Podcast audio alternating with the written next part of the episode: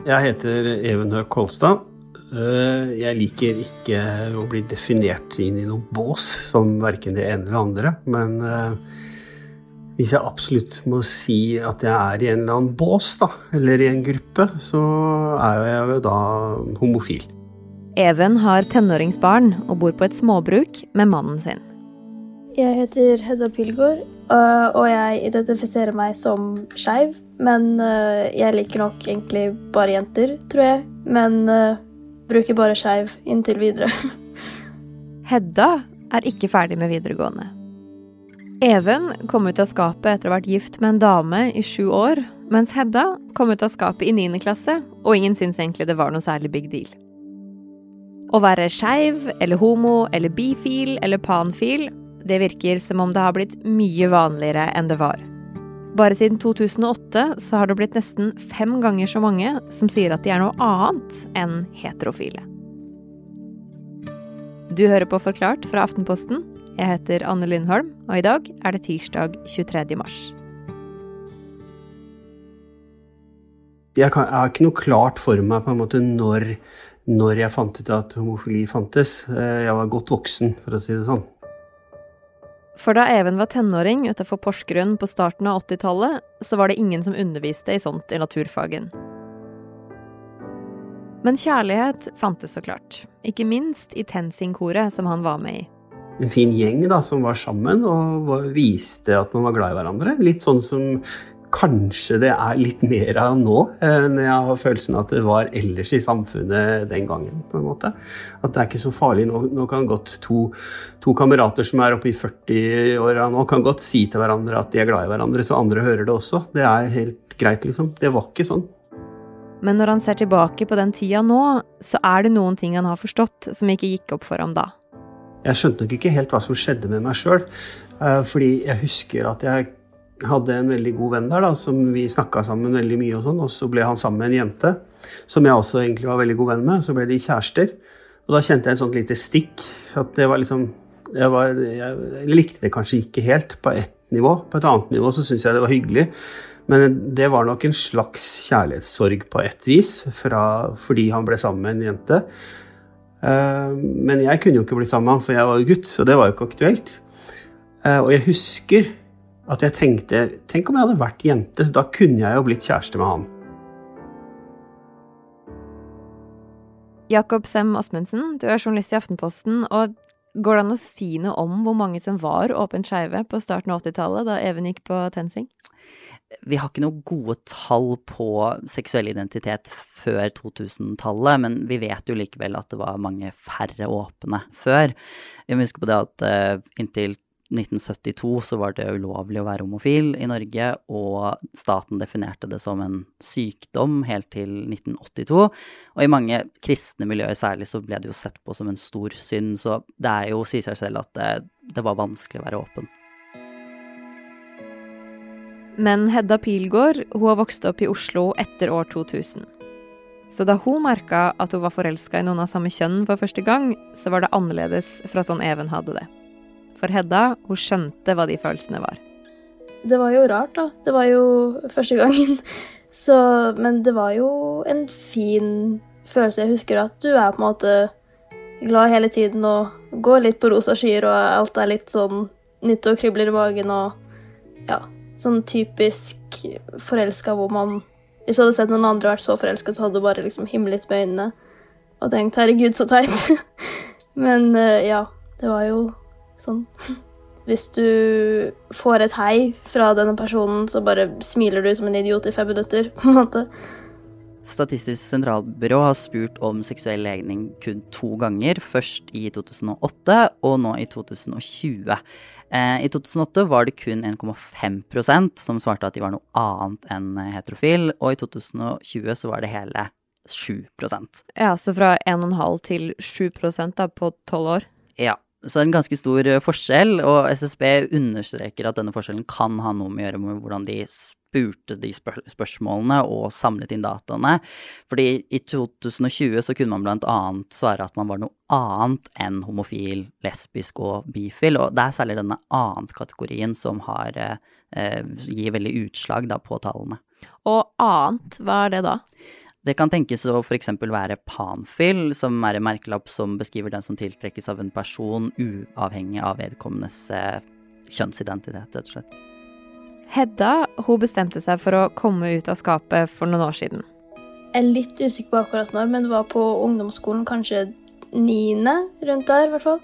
Hun var på vei hjem med to venninner, og de gikk langs en gangvei ved et boligfelt i Oslo. Jeg var med to venninner hvor hun hadde skulle gå motsatt vei. Uh, og hun hadde allerede kommet ut som panfil, så jeg skulle egentlig fortelle henne det først. Og så var jeg bare sånn Hei, kan jeg ringe deg etterpå? Det er noe jeg må fortelle deg. Uh, og hun bare Ja, ja, så klart. Og så går hun andre vei og følger med hun andre venninna. Uh, og så spurte hun ja, hva var det du skulle si. og da var jeg sånn OK, vi tar henne først. Litt sånn skummelt fordi jeg ikke visste sikkert, og dette var på en måte noe som var nytt og skummelt og liksom unormalt, da, for de fleste er jo ikke skeive. Um, men jeg husker det jo som at det var en fin greie, og de var jo veldig støttende begge to. Så det var jo ja deilig. og reaksjonene Hedda fikk fra foreldre og fra venner, de har vært positive. Jeg tror jo det handler om at både det at flere kommer ut, gjør det lettere for de som skal følge deres fotspor, um, men også at man skjønner at det er ikke så farlig.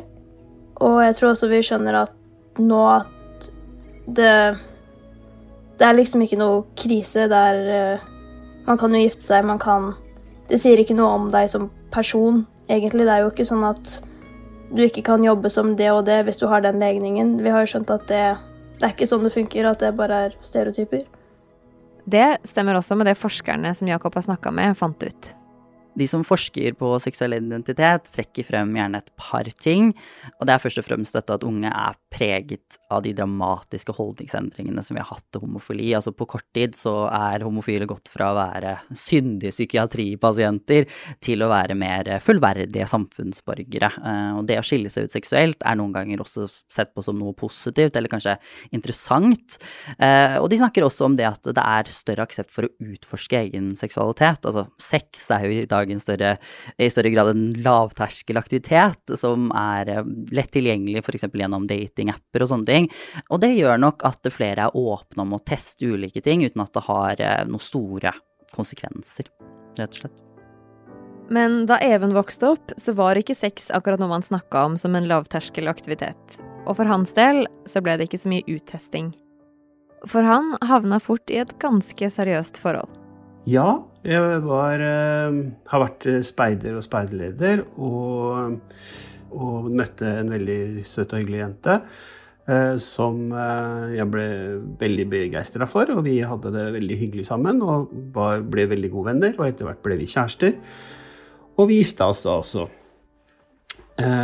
Og det var nok ikke helt riktig. Og jeg skulle på en måte ønske at vi bare hadde blitt bestevenner og vært og hadde vært bare gode, veldig, veldig gode venner isteden. Mest for å spare henne for uh, en del ting, da. For det, det, er ikke så lett når da den du har vært gift med i seks-sju år, plutselig kommer ut av et skap liksom, og forteller at jeg uh, tror jeg må skilles fordi jeg mener at jeg liker gutter, liksom.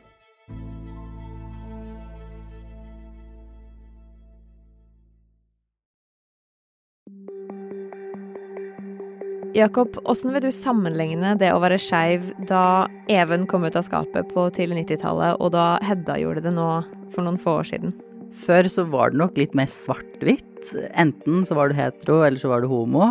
Nå så har vi en mer kompleks forståelse av seksualitet, og vi ser da at mange befinner seg et sted på et slags spekter mellom de to ytterpolene. Hva, hva mener du med det? Hva er det her spekteret? Altså, det var faktisk eh, ikke før på slutten av 1800-tallet, og særlig etter andre verdenskrig, at vi begynte å se på homo og heteroseksualitet som to helt forskjellige skjebner, kan man si. Noe som er fast og iboende. Og den siste tiden så er dette blitt utfordret av en fortelling om seksuell identitet som noe mer flytende, mindre absolutt. Eh, så det er med andre ord blitt et større mangfold av tolkninger av egen seksualitet. Så det har litt mer å gjøre med språket og de definisjonene vi har lagd? Ja, eh, og så er det jo viktig å understreke her at eh, denne selvrapporteringen av skeive identiteter ikke betyr at eh, flere er tiltrukket av samme kjønn enn før. Altså, det betyr jo heller ikke at uh, man velger på en måte hvem man er seksuelt tiltrukket av. Det som er skjedd, er at uh, et mer åpensinnet samfunn har ført til et rikere språk, på en måte, til å forklare nyansene i følelseslivet vårt. Uh, og dette kan jo være veldig positivt, fordi det betyr at vi får flere måter å forstå oss selv på. og det kan nok gjøre veien til et bedre liv litt kortere for mange. For Even så tok den veien noen år.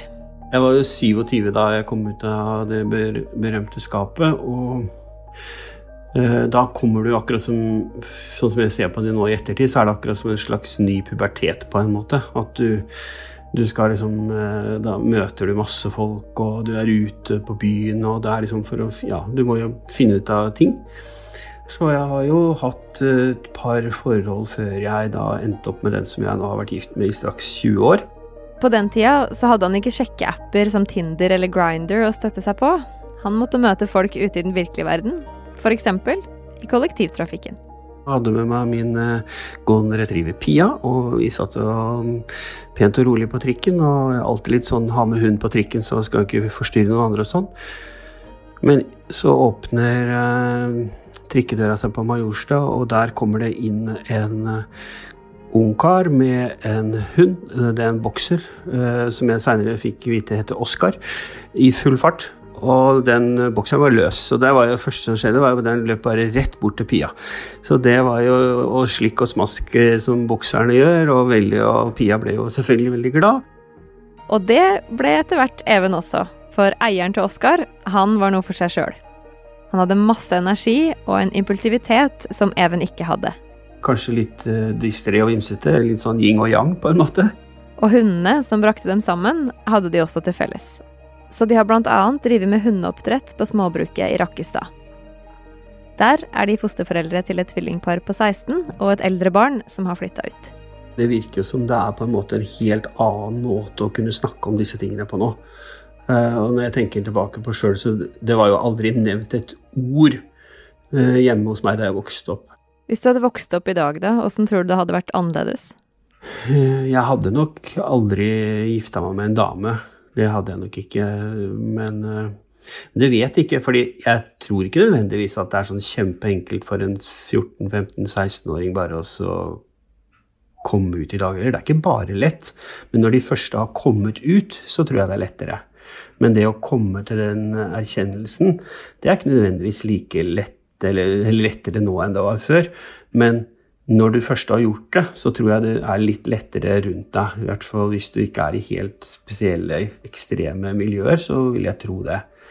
For min del så ville jeg nok eh, Jeg ville nok kanskje vært litt sånn frampå og vært kanskje litt stolt av det hvis jeg var, kunne gjøre det da jeg var 15-16 år, på en måte, og at det var trygt. Så hadde jeg nok ikke lagt skjul på at jeg var det, for jeg var veldig en åpen type. Så, men akkurat det kunne jeg jo ikke snakke om med noen. Altså, jeg lever jo i en liten boble, egentlig. Så sånn jeg har opplevd det, så har det jo vært veldig fint og veldig greit, fordi jeg har et miljø rundt meg som er veldig støttende, og jeg har vært veldig heldig med det.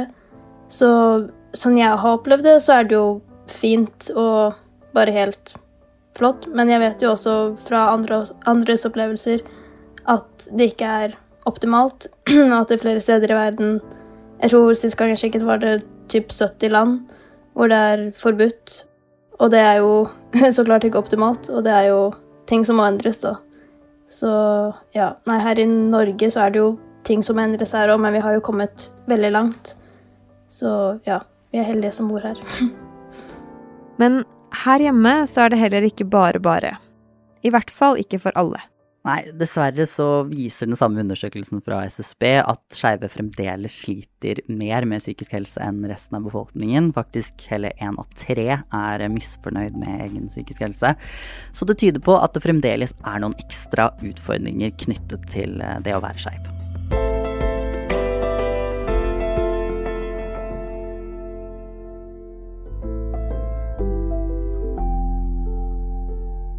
Denne episoden her er lagd av produsentene David Vekoni og Fride Nesten Onsdag og meg, Anne Lindholm. Resten av Forklart er Caroline Fossland, Marit Eriksdatter Gjelland, Ina Swann og Kristoffer Rønneberg.